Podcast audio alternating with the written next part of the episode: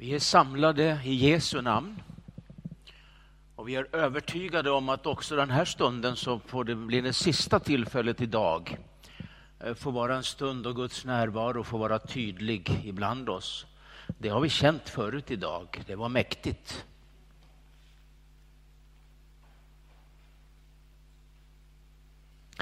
Tack till alla som har köpt mina böcker och nu då särskilt bönen, bön som når till Faderns hjärta. Jag hoppas innerligt att boken blir till nytta och till glädje och till vägledning. Jag ska inte säga så mycket om själva boken, jag ska kommentera bara några ämnen jag har i den. Och det får vara en del av undervisningen faktiskt. Eh, jag har eh, i det första kapitlet eh, ett ämne som heter Bönens energi finns i namnet Jesus. Och när vi ska bedja så vi når till Faderns hjärta så finns det ingen annan nyckel än namnet Jesus som öppnar upp. Det är bara genom Jesus namnet som vi kan nå fram till Faderns hjärta. Och det har jag ett kapitel om. Och så har jag ett kapitel som heter Den som ber måste vara vaken. Hörde du det? Jag är lite frestad att undervisa om det, men det är så många delämnen i, i, som, så jag kanske måste avstå. Ni får läsa i boken istället. Men jag ska kommentera lite just precis bara nu.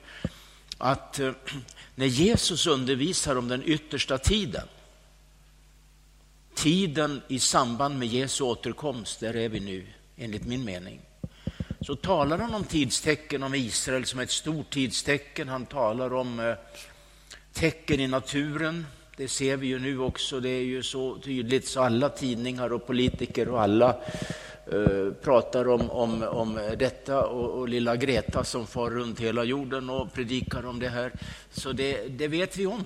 Men det är ett tecken på att Jesus kommer tillbaka för att Uppenbarelseboken är full av texter som handlar om havet och floderna och luften och skapelsen som ska drabba så svårt i tiden för Jesu återkomst. Och nu är det inte så mycket predikanter som talar om det, för de är ytterst få som gör det.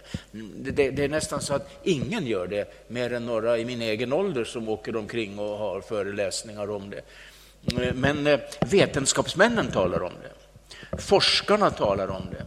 De har ett budskap, även om de inte kopplar det till eskatologin som betyder läran om Kristi återkomst, utan de talar om det utifrån andra perspektiv som bekräftar det, Uppenbarelseboken, på ett underbart sätt. Så då säger Jesus gång på gång, på den tiden måste ni vara vakande, bedjande, vara andligt nyktra. Jag har inte räknat ihop det så jag kan inte säga det exakt, men jag skulle inte vara förvånad om det är fler texter som säger att tiden före Jesu tillkommelse är en sömnaktighetens tid, men ni som är brudeskaran, ni måste vara vakande och bedjande. Än om man jämför med andra tidstecken som tas fram som också är rikligt förekommande förstås. Du vet, jag har ju rest, Ambrit och jag, vi har rest och när vi flyger, jag har jag eh, träffar aldrig piloten och den som sitter i cockpit och frågar ut dem om de kan flyga, för jag litar på att de gör det. Men jag har ett krav på dem och det är att de är vakna under flighten. De får inte sitta och sova där framme. Jag skulle aldrig våga åka med dem. Och ska jag opereras då tycker jag att det är en förmån om kirurgen är vaken under... Jag kanske ska sova, men kirurgen måste vara vaken och ska jag åka buss så tror jag det är en fördel att chauffören är vaken medan han skjutsar oss omkring. Eller hur? Vill ni åka med sovande busschaufförer? Ingen vill det. Mm, och när jag tillhör en församling så menar jag att ledarskapet i församlingen måste vara andligt vakna. För det har att göra med den kondition man måste ha om man ska leda andra människor. Och jag prisar Gud för att, det är, att, det, att de många är vakna. Men det finns också en sömnaktighetens ande i ledarskiktet idag i olika kyrkliga mm, eh, sammanhang och fromhetsriktningar. Man bryr sig inte om Guds ord och man trampar på heliga ting och man ska vara så mm, tillmötesgående som man bara mm, eh, struntar i heliga ting. Eh, och då är det så att ska du börja bedja så du når fram till Faderns hjärta, då måste du väckas. Och jag frågar, finns det en vilja idag bland trons folk att bli väckt, omskakad och verkligen börja leva i ett vaket tillstånd i relation till Gud. Nästa kapitel det handlar om att den som beder så att man når till Faderns hjärta välsignar i bönen. Och makar ska välsigna varandra för att när Gud skapade man och kvinna i äktenskapet så välsignade han det första brudparet. Och då ska vi välsigna varandra i äktenskap och familjeliv. Bibeln lär att vi ska välsigna Israel som är Guds egendomsfolk. Och det är inte alla kristna som gör det idag. Eh, du som är lite initierad och kanske läser artiklar och böcker om det här och sätter dig in i det, eh, så är det inte bara ute i världen som man eh, fördömer Israel och har en aggressiv hållning till det heliga gudsfolket, utan det har under årens lopp nu smugit sig in också bland församlingar och bland troende människor. Och då når man inte fram med sin bön, därför att den som välsignar den når fram, för Gud välsignar och då måste också vi göra det.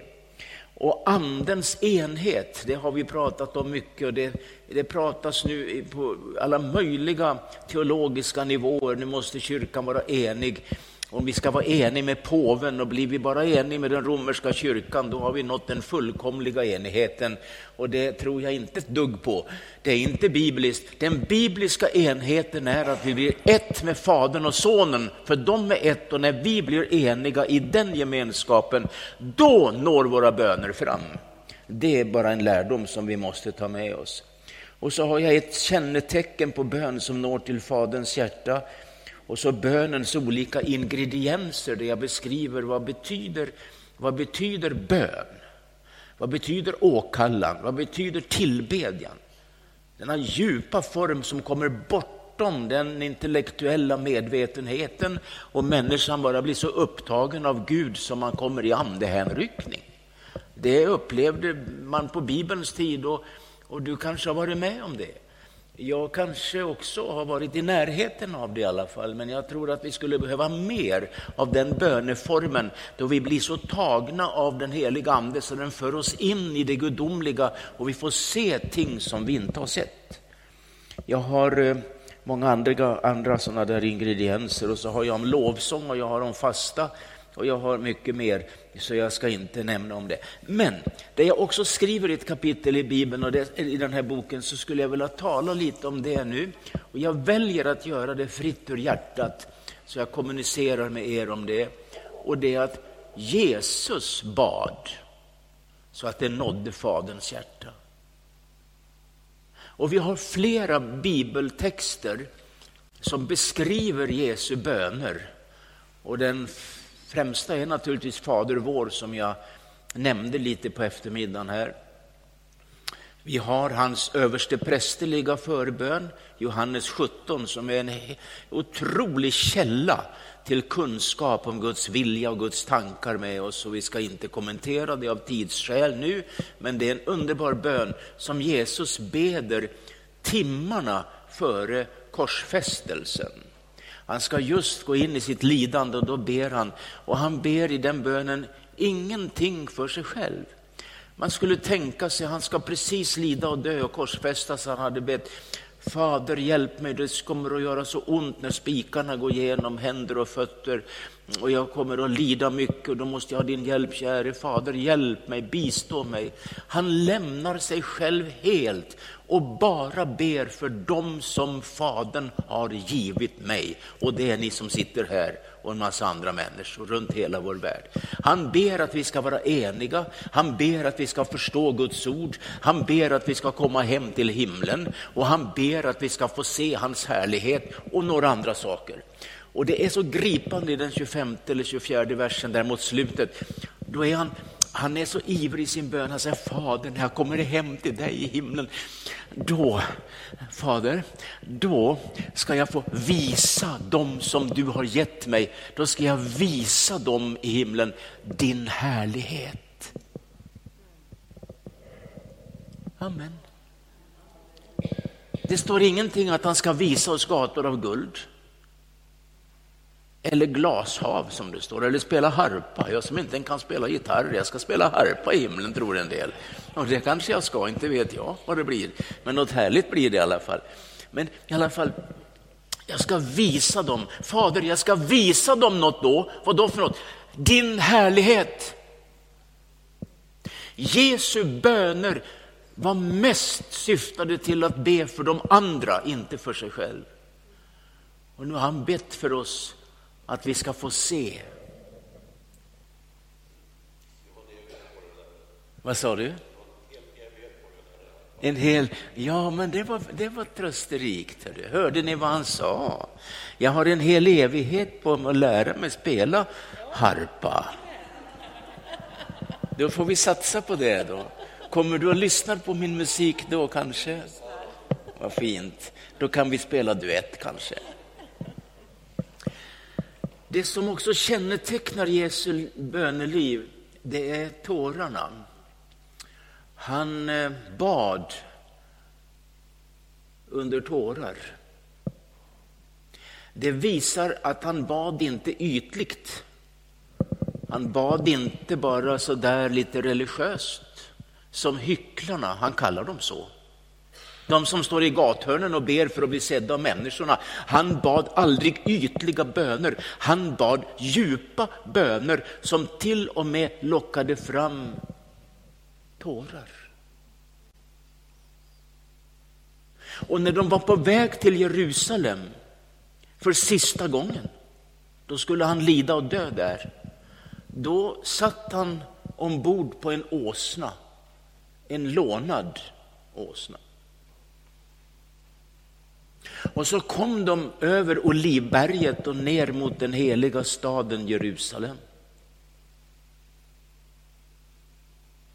Och i Lukas 19 kan du läsa om det här och så parallelltexter.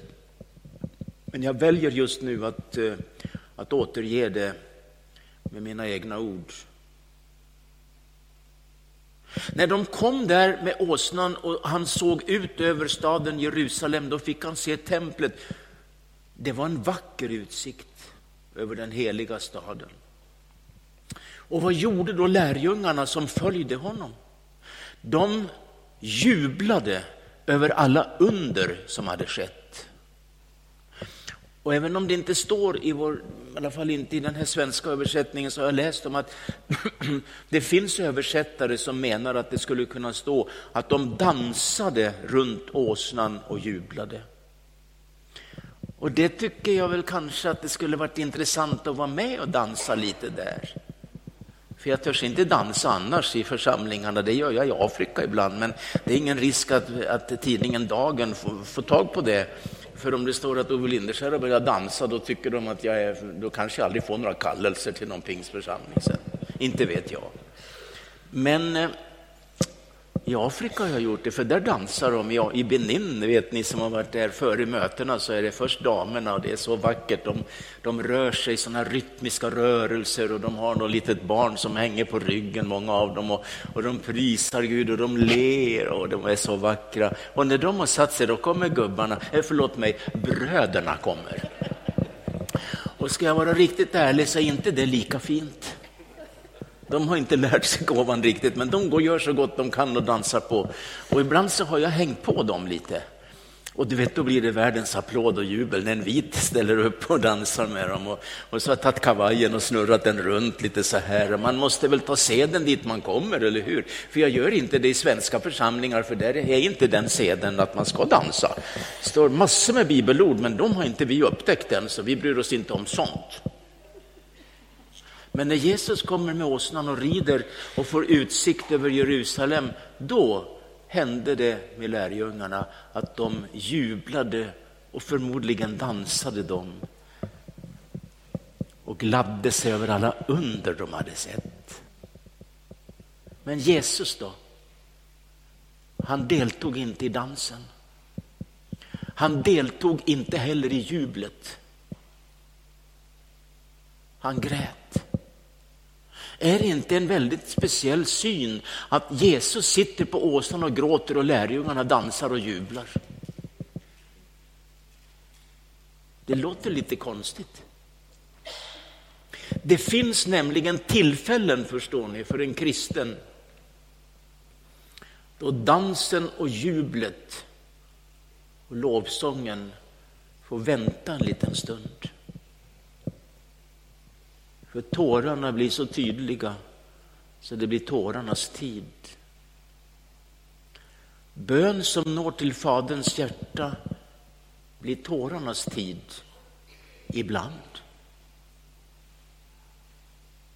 Och där på Oljebergets sluttning så dansade lärjungarna och Jesus grät. Och när de kommer till Getsemane på samma resa mot staden så grät Jesus när han skulle dricka all världens synd och skuld. Men då dansade inte lärjungarna, då sov de.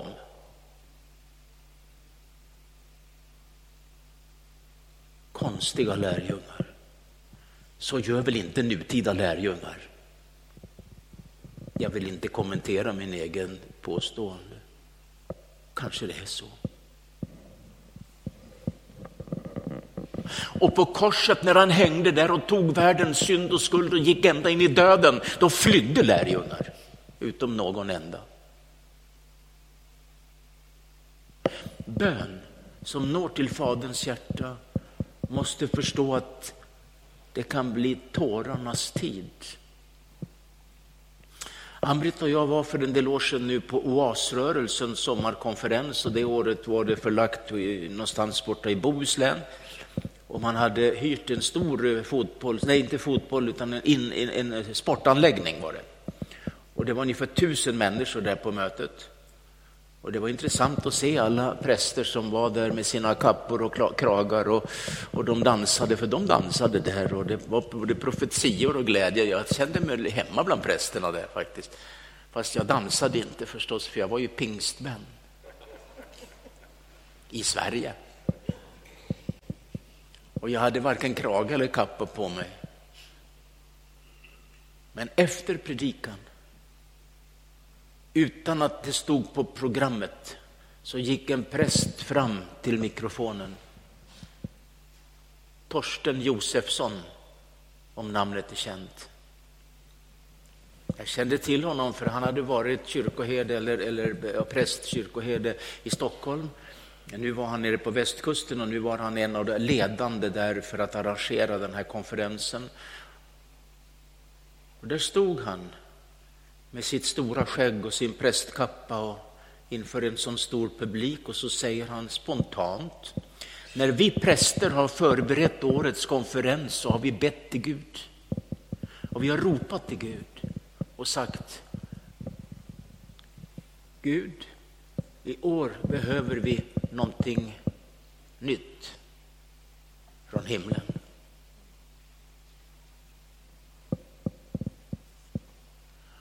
Och Gud har svarat oss. Och Gud har sagt till oss. I årets konferens ska ni få gråta mina tårar över ett folk som har lämnat mig och går bort ifrån mig. Och över en kyrka som inte bryr sig om mina ordningar och mina ord.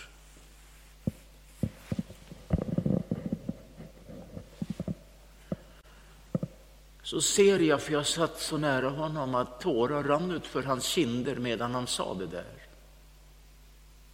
Torsten Josefsson, han var en van talare och en duktig talare. Men här, den här gången brast han. Rösten var sprucken och tårar rann. De rann ut för hans kinder och absorberades av hans stora skägg. Han såg ut som en riktig patriark där han stod. Och så gör han en gest ut mot samhället och så säger han, folk där ute dör ju, varenda dag dör det folk. Och om de inte har Jesus så går de förlorade, sa prästen. Men ingen i kyrkan gråter över det. Ingen i kyrkan bryr sig om det. Men nu har Gud sagt att det är tid att gråta Guds tårar.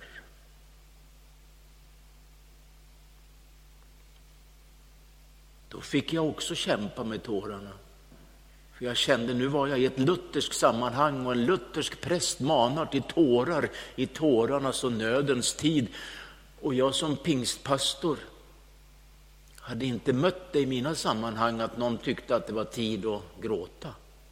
Det var mer tid att jubla och klappa i händerna och se att nu är det seger och nu är det framgång och nu är det, fast det inte är det.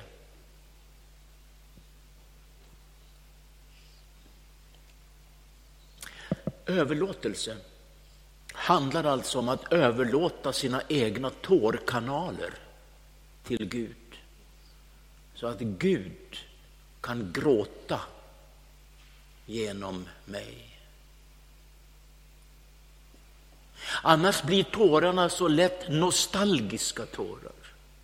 Det är inte som det var förr, jag älskar strängmusik och det finns inte längre. Jag måste gråta över att jag saknar den typen av musik. Och någon annan, eh, det gamla kapellet vi hade, där mötte jag Gud och blev andedöpt och det är rivet nu så de byggt en ny kyrka. Jag gråter, jag saknar det gamla kapellet. Och så har vi nostalgitårar för alla möjliga sådana där saker som egentligen inte betyder så mycket.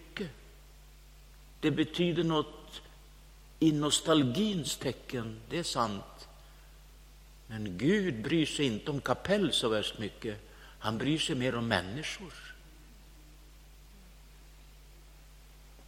Halleluja.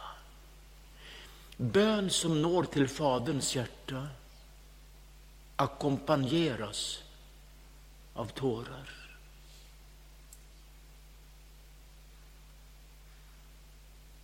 Det är ett djupt och äkta engagemang hos bedjaren när nöden blir så stor.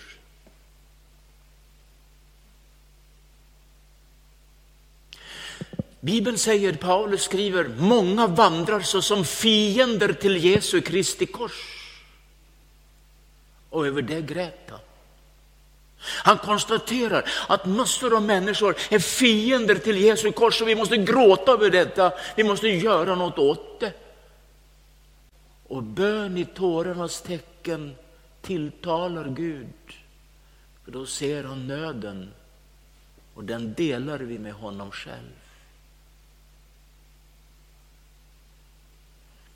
Och när aposteln Paulus tänkte på sina judiska landsmän så skriver han i Romarbrevet mot slutet att jag önskar att jag själv vore förbannad och bortkastad från Kristus om det kunde hjälpa mina bröder efter köttet. Men det, det, visste han ju att jag kan gråta mycket som helst, men det hjälper inte. Men jag är beredd att offra mitt liv om det är så att det skulle hjälpa dem. Men i andra texter hos denne Paulus så ser vi att det räcker med att Jesus har dött. Och det är det vi ska berätta. Han behövde inte dö, för det var redan klart. Men nöden fanns där. Tårarna fanns där. Och jag är så gammal nu så jag kan minnas Guds församling och Guds verk. I alla fall från början av 50-talet och framåt. 40-talet var jag en liten pojke, men jag har fragmentminnen därifrån också faktiskt. Och jag såg när pappa var pastor, det var mest i små församlingar. Det var mycket tårar. De hade alltid näsduken och de torkade tårar och de var gripna och det var knäbönemöte. Och jag är uppvuxen med detta. På söndagskvällens väckelsemöte, om det var pappa eller någon annan pastor, så, så sades det nu kära älskade vänner, innan vi skiljs åt så böjer vi våra knän och vi ropar till Gud och vi ber, för kanske Jesus kommer nu den här veckan, så då måste vi vara redo. Och så böjde vi våra knän och så bad vi. Och så var det tårar och överlåtelse och det var på allvar.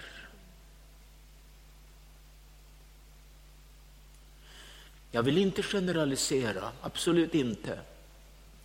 Men jag är rädd för att vi nu har fått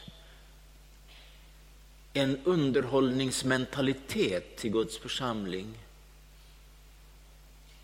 som mer bygger på applåder än på tårar. Och jag menar att vi kanske behöver underhållas, vi behöver ha lite trevligt. Jag säger inte att det behöver vara fel. Men om Guds kyrka bara blir underhållning, då är det fel. Jag är inte med i Guds församling för att underhållas. Jag är där för att möta Jesus och komma så nära Gud så att Gud kan få gråta sina tårar genom mig. det är i någon mening den djupaste form av identifikation. Halleluja. Halleluja. Det är ju så att gråta, man kan ju göra det av glädje förstås. Men annars är tårar någonting som kommer i nödens tid och det kan vara nöd över min egen synd eller brist eller felsteg eller misstag eller, eller, eller över land och folk eller något annat, vad som helst. Och när min bön som når till Faderns hjärta ackompanjeras av tårar, då för det mig bara närmare Gud. Då börjar jag tänka som Gud. Då börjar jag beröras av Gud på ett djupare sätt. Halleluja. Och nu förra helgen, eller för två veckor sedan eller tre, när vi var uppe i Edsbyn och hade en sån här bönekonferens, det var den första. Det var på lördag eftermiddag, och kom Guds ande så att jag kunde inte predika, jag började bara gråta. Och många grät. Det var, det var som att i och med tårar så kom Guds ande. Och Det var både uppenbarelser och det var starkt. Och Det var en man som jag sen kollade upp och det var en väldigt fin broder, sa de. Och han är, alla hade stort förtroende för honom.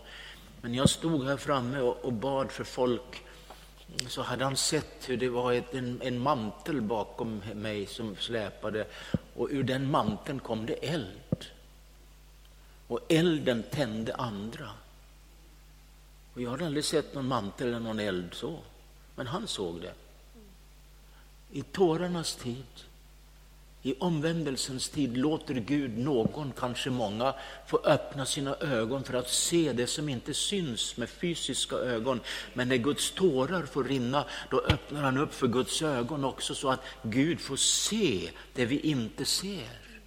Och Det betyder inte att jag är någon andligare än någon annan, absolut inte. Men du vet att vem som helst kan få bli brukad av Gud. Gud är så generös att till och med jag får vara med där. Jag tycker det är storslaget av Gud, jag måste säga det ärligt, jag menar det också.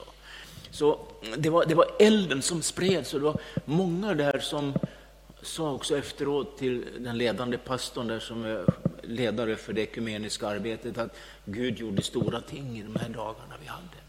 Och det tror jag det har skett här också. Fast där var det mer folk, där var det så fullsatt så det var en fantastisk sak. Och det kan det bli här också, om vi bara nu får vara öppna för Gud och få, få visa att, för när elden brinner förstår så ökar det. Fråga dem i Australien vad de tror om det. När det brinner i halva landet och gjort eller överallt, det, de, kommer, de har inte bukt med elden. Och när andens eld börjar brinna i tårarnas och i överlåtelsens tid så kan du inte, du kan inte tukta elden längre utan den bara, den bara sprider sig. Och det börjar med en liten tuva och sen är det igång och en liten grupp människor som får elden, det är andens eld, så kommer det att brinna så det bara knakar om det där du minst anar det. Halleluja! Och om vi, om vi, nu, om vi nu tror på detta, så skulle jag vilja säga att vi får inte blockeras av frågor som gör att vi stänger elden eller vi blir sura eller ledsna eller bittra för vi tycker inte om församlingsledningen eller beslut som tas eller, eller att man gör si eller så. Eller det kan vara, möter där över hela Sverige, överallt är det likadant. Och då måste man, förstår ni, öppna sig för elden som bränner bort sådana där saker. För ingen pastor är fullkomlig i hela världen. Absolut ingen är det, utan alla ledare gör fel ibland och, och, och, och kanske behöver tillrättavisas. Det har jag behövt, och det behöver alla.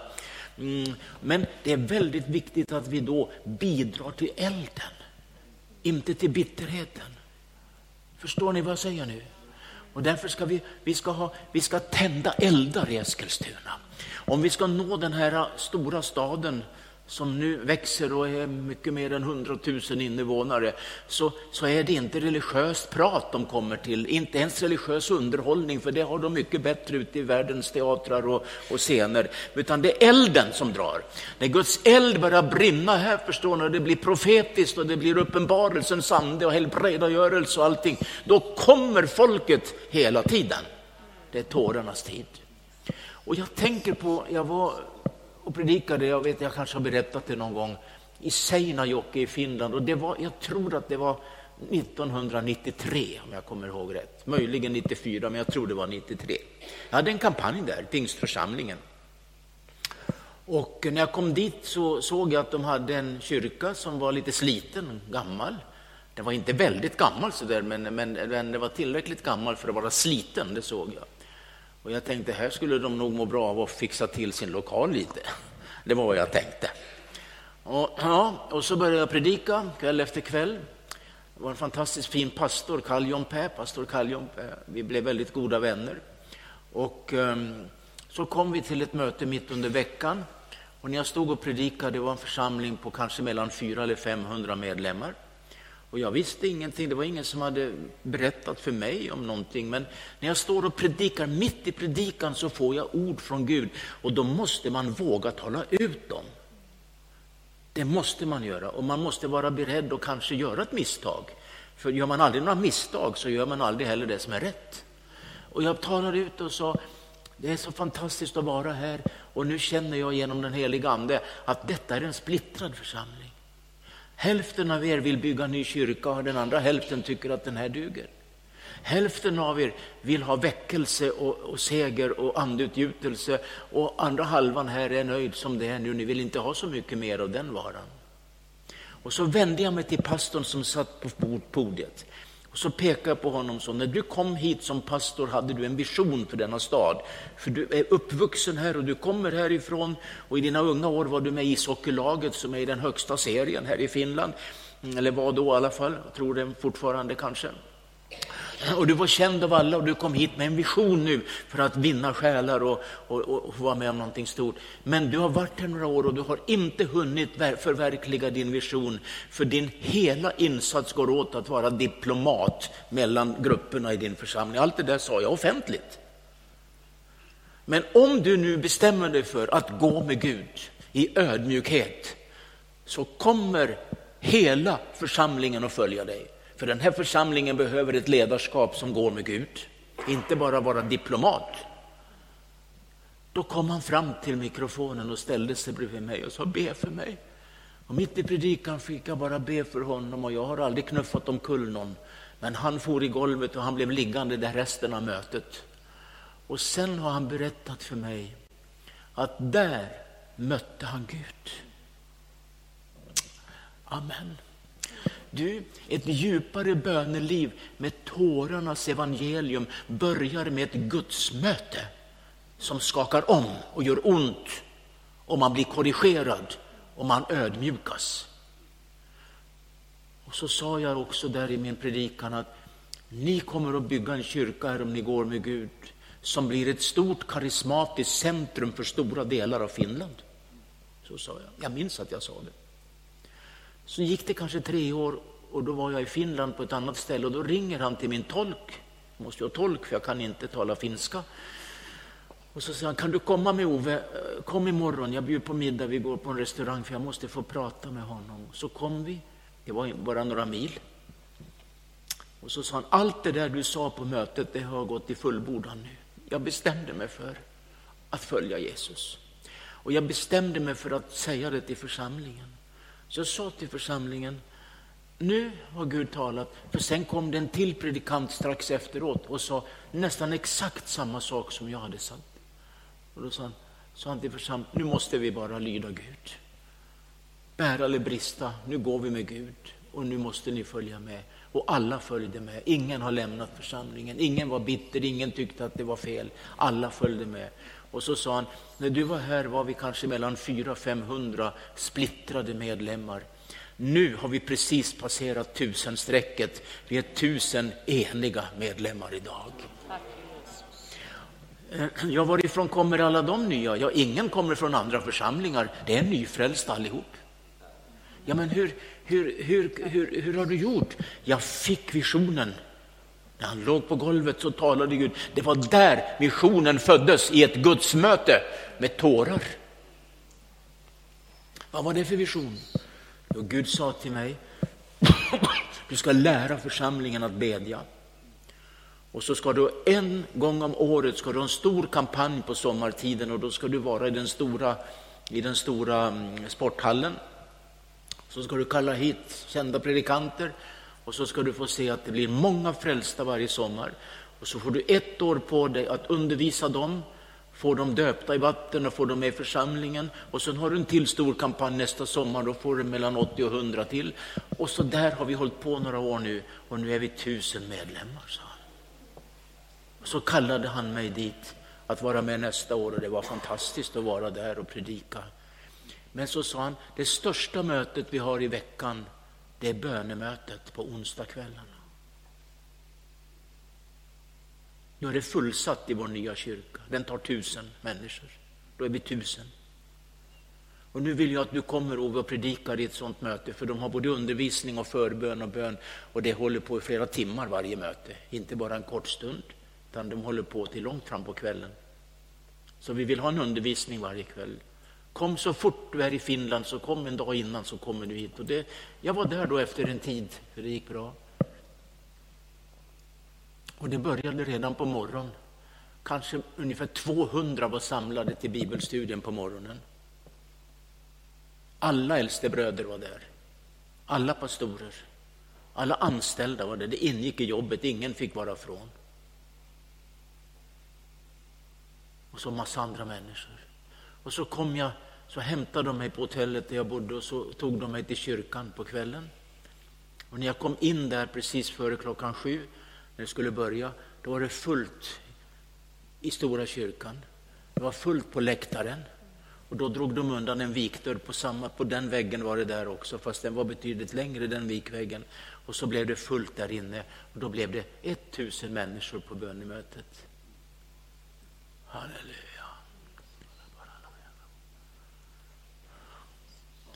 Och du förstår att stå där och undervisa, det var, det var alltså som att man bars av bedjande människor och den heliga Andes närvaro. Så att jag, jag glömmer aldrig vad fantastiskt det var.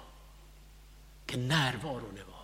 Och så var det andekraft och det var närvaro och det var lovprisning och det var profetior och det gick i ett alltihop. Och när klockan var elva då kom det någon vaktmästare och sa till mig, broder Ove, nu är du trött, nu ska jag skjutsa dig till hotellet. Så och jag är en sån där ödmjuk broder så jag vågar inte säga från en gång. Jag hade hellre velat stannat längre för det fortsatte ju en stund till. Genom ett gudsmöte med tårar förlöstes visionen.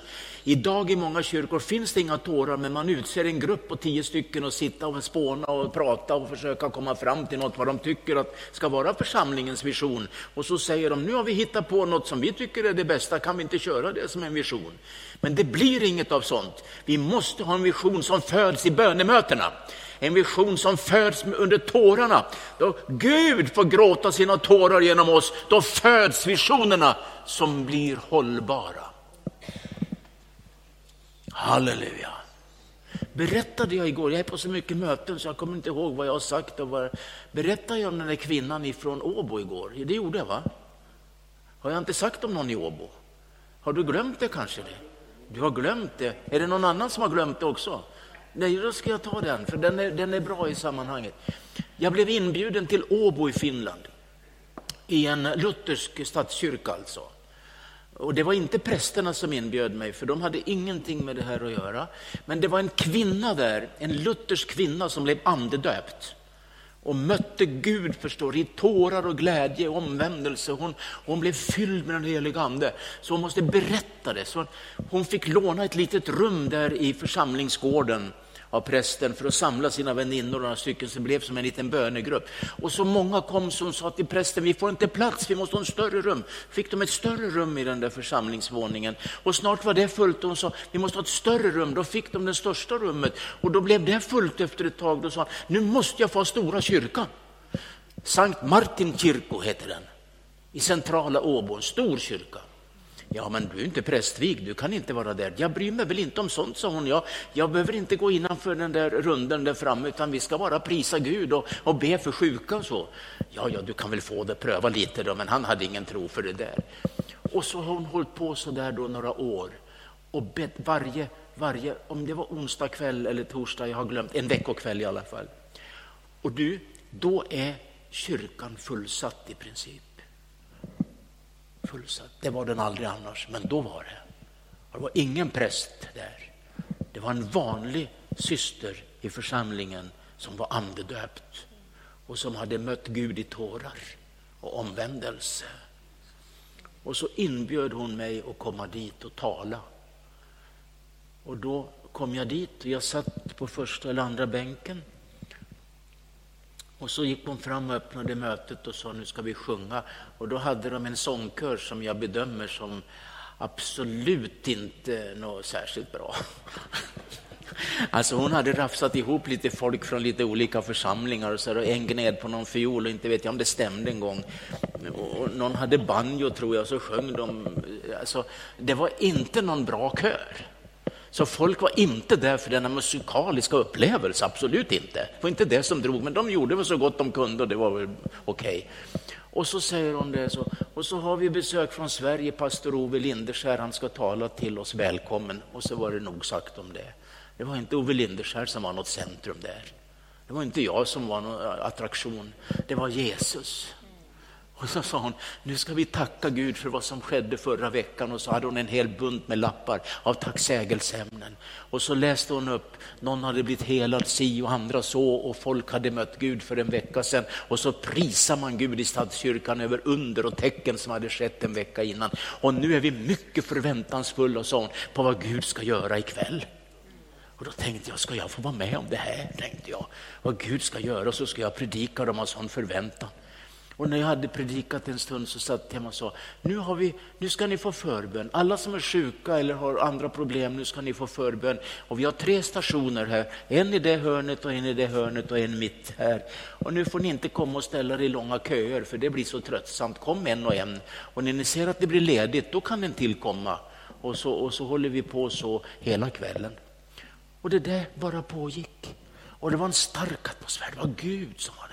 Och så, och så höll det på i timme efter timme och massor med folk fick personlig förbön och det stod kanske tre stycken och det var mest frikyrkofolk, det var pensionerad pastor och några ledare. Mm, inga präster var där, men andra var där. Och så fick de, och ibland stod de där kanske flera minuter, kanske tio minuter och bad och andra gånger gick det fortare. Och så gick de och satte sig och kom det fram nya hela tiden. Och när klockan var elva på kvällen, då började det väl ta slut. Hade vi hållit på i flera timmar. Halleluja. Och då kom de till mig och sa, min tolk, vi skulle åka till Helsingfors på kvällen för min tolk bor där och vi skulle sova där på natten för att åka någon annanstans och predika sen nästa dag. Och då, då sa de, nu är ni välkomna hem till oss, nu ska vi dricka kaffe eller te efteråt, klockan var elva. Jag tänkte, ska vi inte få åka till Helsingfors, det blir ju långt in på natten innan vi kommer hem. Och så kommer vi hem till dem där i en villa och så säger de, efter sådana här möten har vi alltid bönenatt, vi som är ledare, så nu ska ni få vara med på bönenatten här, sa de. För nu måste vi kriga, sa de. För när vi har haft sådana här möten, då måste vi vara beredda på attacker. Så nu ska vi i Jesu Kristi namn ha en bönenatt och beskydda det som skedde i kyrkan ikväll. Och jag tänkte, gode Gud, att jag inte sitter och gäspar efter alltihop. Och stackars tolken tänkte jag som skulle hem till sin familj och sova hos dem. Men vi var där. Och sen när klockan var två, då sa hon som var ledarinna, eller om det var hennes man, nu ser jag att Ove och tolken är så trötta så nu måste vi släppa hem dem. Men vi ska vara kvar och hålla ut hela natten. Bön som når till Faderns hjärta. De tar det på allvar. Det är inte bara en liten bön på en minut, utan en, en bönenatt efter en sådan känns det nödvändig. För att de satt där hela natten och grät Guds tårar över att det som skedde skulle få fortsätta och ingen skulle hindra det. Halleluja. Mitt budskap ikväll det är bön som når till Faderns hjärta i tårarnas tid.